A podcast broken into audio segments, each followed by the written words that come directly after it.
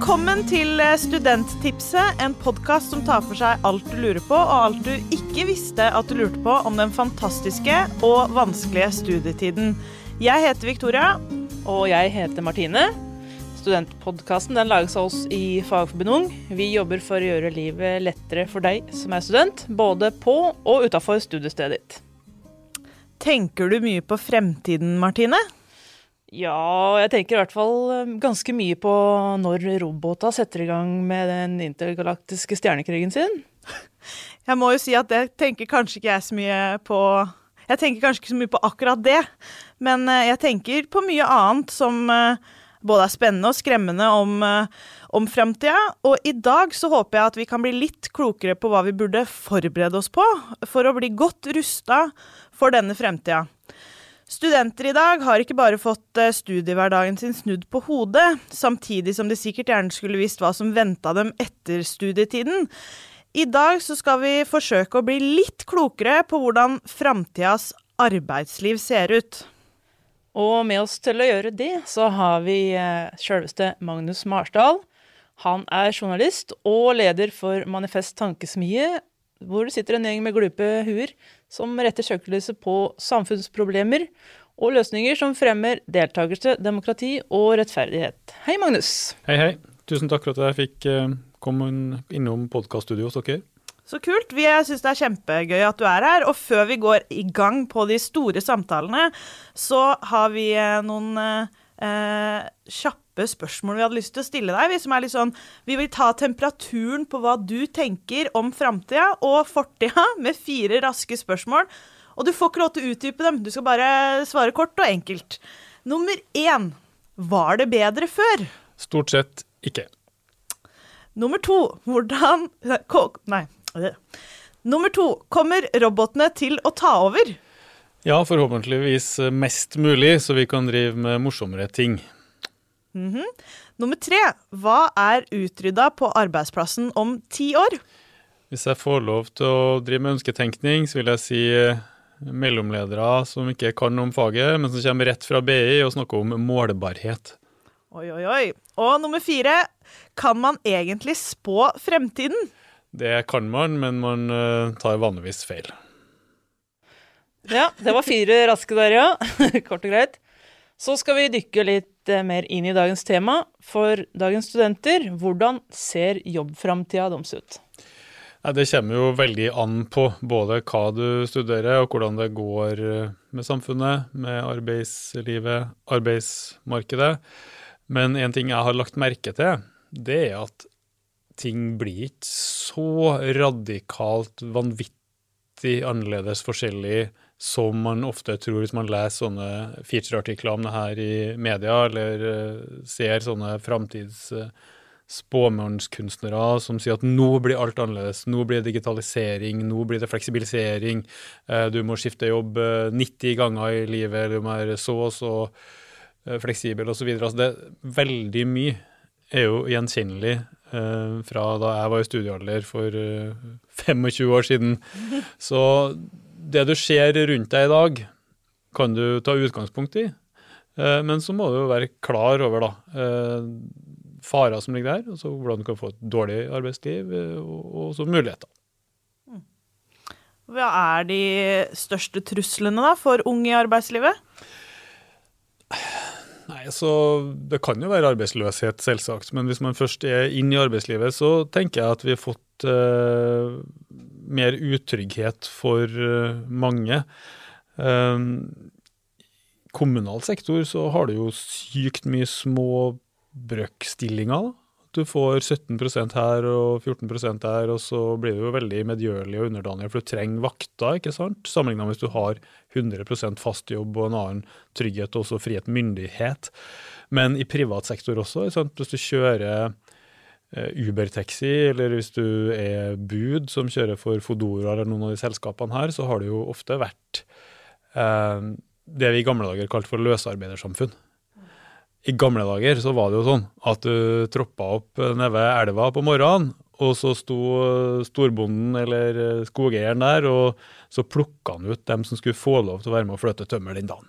Og Da tok en dem som var mest arbeidsvillige, dem som var mest underdanige, dem som var sterkest. I hvert fall ikke dem som hadde mye egne meninger, eller kanskje snusa på LO-medlemskap. ikke sant? Så løsarbeidersamfunnet, som var for 100 år siden, det var en situasjon der du var helt prisgitt velviljen til sjefen. Der du ikke hadde inntekt neste uke, kanskje til den lille ungen din, eller sånn, hvis ikke sjefen eh, syns godt om deg i dag. Og det med fagbevegelse var jo vår måte å rette opp i det på, da. Altså Hvis du legger deg ut med én, så legger deg ut med alle. Eh, at alle de hundre den morgenen sa nei, vi skal ha et rettferdig system. Eh, vi skal ha kanskje tarifflønn, ikke sant? at man ikke begynner å underby hverandre. For sånn blir det jo i verste fall. At nei, men jeg gjør det for 100 i timen. Nei, jeg gjør det for 90 i timen. Du skjønner jo hvor det ender hen.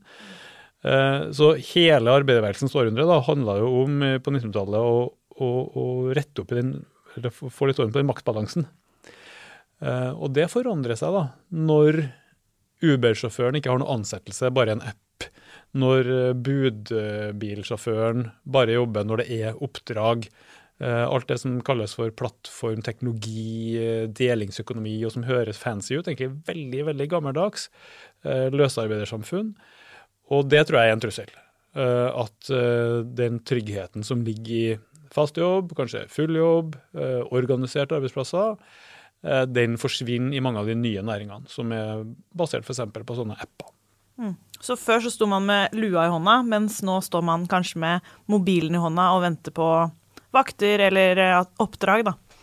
Ja, og ofte har man snakka om at det gir utrygghet. Eh, hvis du ikke har fast jobb, så kanskje ikke du får boliglån, eller du vet ikke hva du har neste uke og sånn, men jeg er opptatt av at det gir ufrihet. Tenk deg hvis du jobber på et sted der du ser ansatte bli trakassert, eller det er utrygge arbeidsforhold, eller omsorgssvikt i forhold til barn som arbeidsplassen har ansvar for, eller annet som du må si fra om. Hvis ikke så er du verken en god fagperson eller et godt menneske. Men så er det bare det, da, at hun sjefen som har ansvaret for det her, hun er veldig sånn nærtagende, og du vet at hvis du sier noe, så kommer hun til å ta det personlig. Og så har ikke du fast jobb, så hun kan bare si nei, men du er ute neste uke. Og da har ikke du inntekt, da har ikke ungen din noe. Da kommer det et forferdelig dilemma. Altså, hvilken ytringsfrihet har du da? Hvis sjefen kan bare si sånn som Donald Trump uh, på TV, 'you're fired'. At altså, Han har all makt over din person. Uh, det er ikke bare utrygghet, også ufrihet. da. Og Derfor så liker jeg å se på fagbevegelsen som uh, Norges største frigjørings gerilja. ikke sant? Det har vært en frihetsbevegelse. så At jeg ikke skal føle den utryggheten, ikke skal være så utlevert til sjefens makt. Ha mine rettigheter, men da har altså frihet til å si min ærlige mening. Eh, ikke minst om faget. da, Å stå opp for det jeg brenner for som fagperson, enten det er i offentlig eller privat sektor. Mm. Jeg tenker i hvert fall vi skal være glad vi ikke har uh, samme arbeidslivet her som vi har i USA. ja, det er veldig forskjellig. Uh, der er det sånn som jeg sa, i privat sektor så er det bare 'you're fired'. Altså, hvis du kommer inn på kjøkkenet på restauranten der du jobber en morgen, og jeg ikke liker trynet ditt og er sjefen din, så kan jeg bare si 'get out'. Og det er det, altså. Fordi det er det de kaller for frihet. Ja, land of the free. Men tenker på, eh, hvis en student eh, ser for seg å gå inn i arbeidslivet snart, og har lyst til å være med å forandre arbeidslivet litt, hvordan skal hun gjøre det? Ja, så når man kommer ut der, så er man egentlig i en god posisjon til å forandre, fordi man ser det utenfra, kan se ting som ikke er bra nok, kan ha nye ideer. Det er jo ofte yngre folk som kommer med de nye ideene, ikke sant. Men samtidig en dårlig posisjon fordi man ikke har den uh, tryggheten, anseelsen, makta, posisjonen til til å forandre.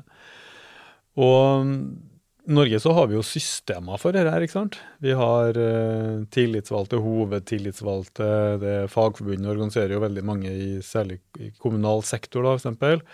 Uh, eh, og der bør man jo være med, men de systemene forandrer ingenting av seg sjøl.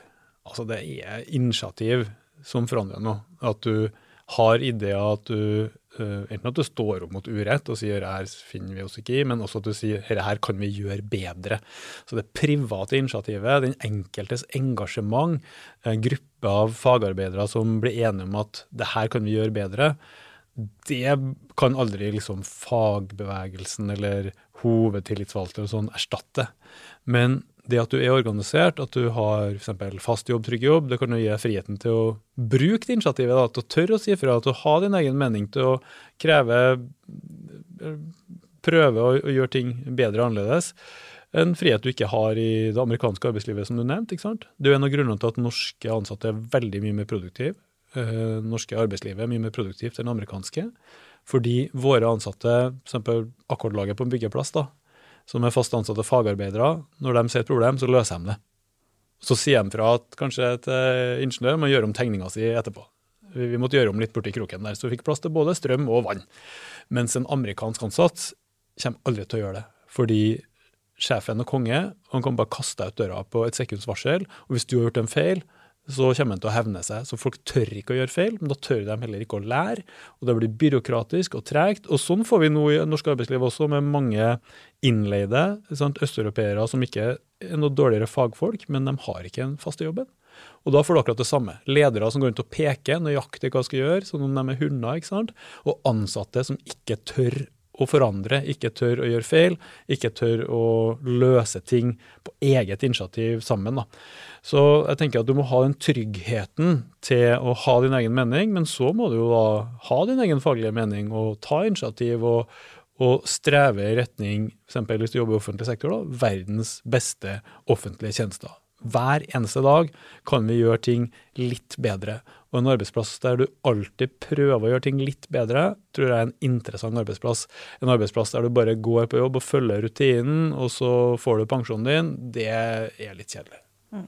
Så samhandling og samspill mellom de ulike på arbeidsplassen, det er på en måte nøkkelen. Det er jo det, du egentlig sier litt her, at man, man, er ikke, man, er ikke, redd for å gå til sjefen da, og si fra i Norge, fordi man har ikke den Altså, du sier jo noe om at det kan man ha da, hvis man ikke har den faste stillinga, men hvis man har den jobben og den muligheten til å si fra, så bør man gjøre det og bruke den anledningen. For i Norge så tør vi å gjøre det i større grad enn kanskje i andre land hvor man ikke har, den, har det samspillet da, mellom de ulike rollene i arbeidslivet. Ja, så når det er mindre autoritært, mindre hierarkisk, eh, så blir det også mer eh, deltakelse, mer medvirkning, eh, høyere kvalitet, produktivitet.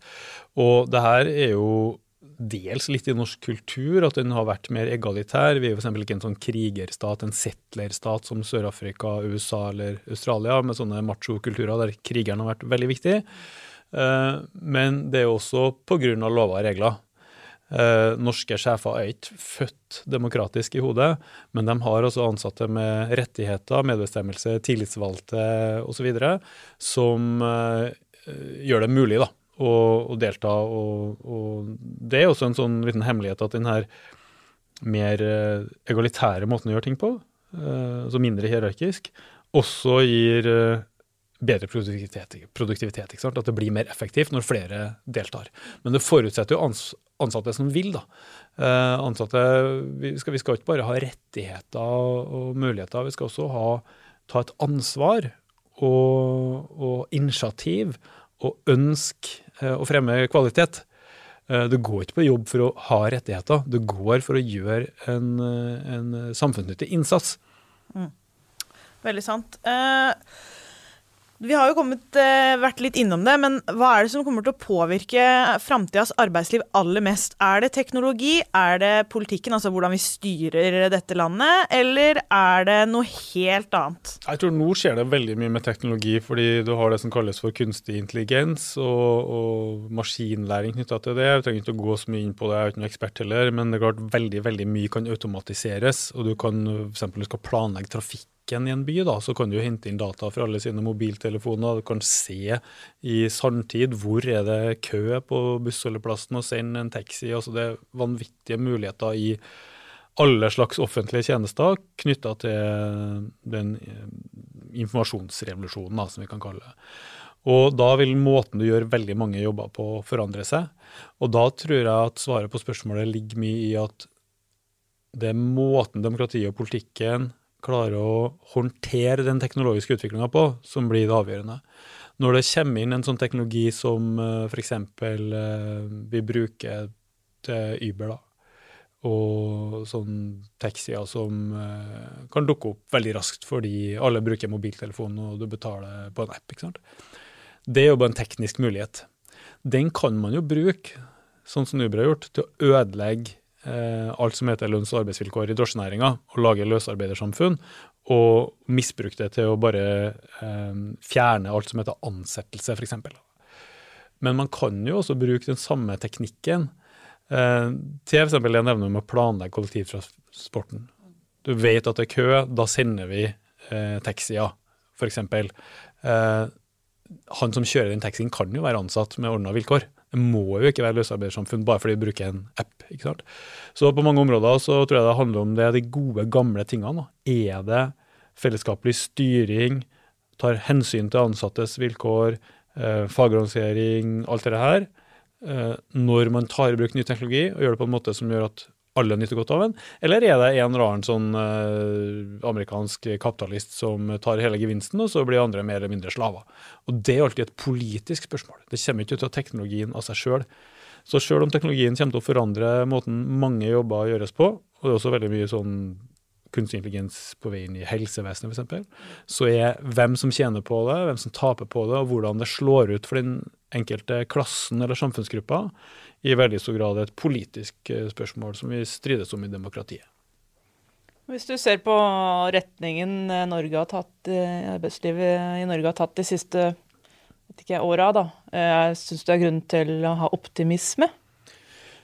Ja, jeg syns det. For det norske arbeidslivet har vist nå i mange mange tiår at fellesskap fungerer. Det er mest, mye mer produktivt, effektivt å ha tunge fellesskapsløsninger både i arbeidsliv og velferdsstat. og Vi ser det også godt under koronapandemien, at de samfunnene som har mindre privatisering, kommersialisering, oppstykking i helsevesenet f.eks., klarer seg mye bedre. og det her tror jeg folk ser kanskje bedre nå enn for 10-15 år siden.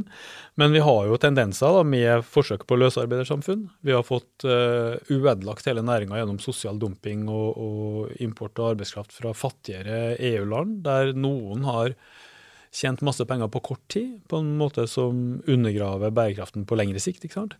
Eh, vi har tendenser i kommunal sektor også, med innleie av sykepleiere i eldreomsorgen, f.eks. Særlig hjemmepleien, der du tar inn østeuropeere som så vidt lærer seg norsk nok til å bestå kurset, men som da er i en løsarbeidersituasjon i et såkalt bemanningsbyrå, ikke sant? og ting som nordmenn opplever som helt uverdige arbeidsvilkår, redd for å bli kasta ut av landet for å si et skjevt ord, en mye mer amerikansk situasjon. Så vi har hele tida sånne tendenser som, som uh, kommer krypende inn i den norske modellen.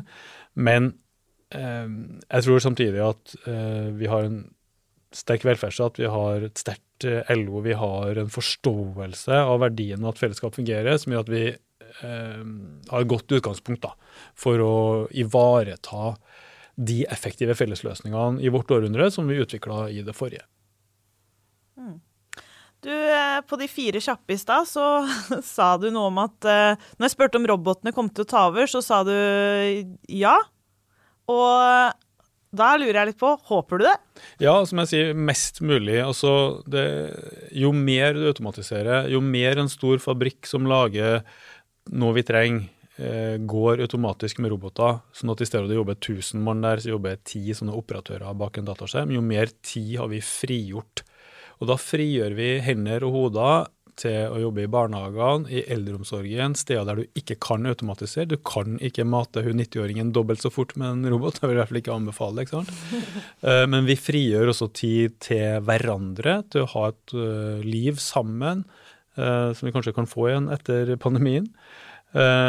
Vi frigjør muligheten for kortere normalarbeidsdag. ikke sant? Hvorfor ikke jobbe seks timer i snitt? da, Ha mer tid til de eldre, til barna, til å leve et fritt liv, i stedet for å springe i det hamsterhjulet. Så robotisering, automatisering, det er en frigjørende kraft. Det er ikke noe mål at vi skal stå med rumpa i været og plukke ris eller hyppe potet eller gjøre sånne manuelle oppgaver. Jo mer robotene tar, jo bedre. Men det kommer jo helt an på, da. Hvis det der styres eneveldig av noen sånne kapitalister, så blir folkemassen arbeidsløs, fattig, eh, nedtrykt, maktesløs. Hvis det styres demokratisk, og kanskje med fagbevegelsen i førersetet også, så fordeler vi den frigjorte tida. Deler på arbeidet.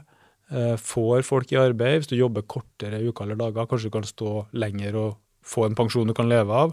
Så det kommer alltid an på hvilken samfunnsklasse som har overtaket. Hvis Donald Trump-folk har overtaket, så blir det på deres måte. og så skylder de på teknologien. Men hvis vi har overtaket, så blir det på vår måte. Da blir det mer rettferdig, mer egalitært, men også mer effektivt og mer, eh, mer frihet. Da. Og alt dette her jobber fagbevegelsen med. Det starter små på jobben, hva er rettferdig hos oss? Og så er det i vår kommune, ikke sant? hvordan styres det, men så er det på hele samfunnsnivå. Eh, hvordan fordeler vi verdier, hvordan styrer vi arbeidslivet, rettigheter, lover og regler. Alt det her som kan føles litt eh, grått, kjedelig, egentlig byråkratisk, springer ut av en fagbevegelse som starta på jobben. Det starta ved den elva om den morgenen når det sto 100 mann og sloss om de jobbene. Så spurte de hverandre er dette en lur måte å gjøre det på, altså et løsarbeidersamfunn, eller skal vi gå sammen å ha en stemme felles og bestemme spillereglene opp mot dem som kjøper arbeidet vårt. ikke sant? Så fagbevegelsen har den fantastiske egenskapen at den går helt ned til bunnen på jobben i ditt lokalsamfunn, og helt opp til toppen til LO sentralt og statsministerens kontor. Og på sitt beste så klarer fagbevegelsen å formidle da, virkeligheten sånn som den er ut blant dem som gjør jobben, opp til dem som styrer, sånn at eh, man får en demokratisk samfunnsstyring. Den der muligheten er det nesten ingen andre organisasjoner som har, på samme måte som uh, fagbevegelsen. Wow. Det her uh, det, det, høres ut som uh... Jeg får litt gåsehud, jeg også. Ja, jeg òg. Men da Nå har vi snakka om hvordan i huleste denne her framtida skal se ut, og kan se ut. Og de som lytter, blir kanskje like overvelda som oss over den praten her. og Uh, og, og, så er det jo hjelp å få nå. For at, uh, Magnus, du skal få lov til å gi uh, lytterne her dine tre beste tips på hvordan du kan påvirke jobbframtida. Ja, det tror jeg de ofte finner ut best sjøl, men tre stikkord er i hvert fall at jeg tror det er lurt å organisere seg, enten det er i fagforbund eller andre forbund. Og muligheten til å påvirke, muligheten til å bli hørt, er mye større når du har eh, et lag i ryggen, enn når du står alene overfor lederen. Eh, og så tror jeg det er veldig viktig å fokusere på faget, altså på ferdigheten på det du tilfører som fagperson, og at første stavelse i fagbevegelse er jo faget. Og at du ser forholdet mellom ferdighet og, og, verdighet, og at fagbevegelsen, hvis du blir organisert der, da, skal gå i spissen for det jeg kaller verdens beste offentlige tjenester. Skal være kompromissløs på kvalitet på fag, for det er da du også blir respektert og hørt. Eh, hvis du bare roper om eh, at du skal ha så og så mye pensjon og rettigheter og overtidstillegg, så er du ikke lenger en fagbevegelse, da er du bare en tariffbevegelse, og det er ikke det samme. Uh, og det tredje er at det er viktig å utøve selvforsvar på vegne av det faget. For det er for mange mellomledere med noe utdanning fra BI som snakker om målbarhet, som krever uh, resultatoppnåelse på en eller annen indikator som er bestilt av en rådmann eller en etatssjef eller noen som egentlig ikke vet hva jobben går ut på, enten du er i barnevernet eller du er i eldreomsorgen eller i teknisk etat, ikke sant, så står det og jobber med kvaliteten på de tjenestene, eller langsiktige bærekrafter i det vann- og avløpssystemet, da, som du må være fagperson for å skjønne noe av. Og Hvis det kommer noen til deg med noe Excel-ark som egentlig er saken uvedkommende, og krever framgang der, fordi de skal vise det fram i media eller til sin leder, så er det bare å si nei. altså. Må stå opp for fagligheten når det som noen kaller New Public Management, som jeg kaller for sånn målestyring og revisorregime, kommer og blander seg inn, og tror at offentlig sektor er en business, og tror at du kan styre som om det var en sånn økonomisk, kommersiell bunnlinje. Mm. Når du står der og holder på med vann og avløp eller med barnevern, ikke sant? da er det bare å si nei. altså.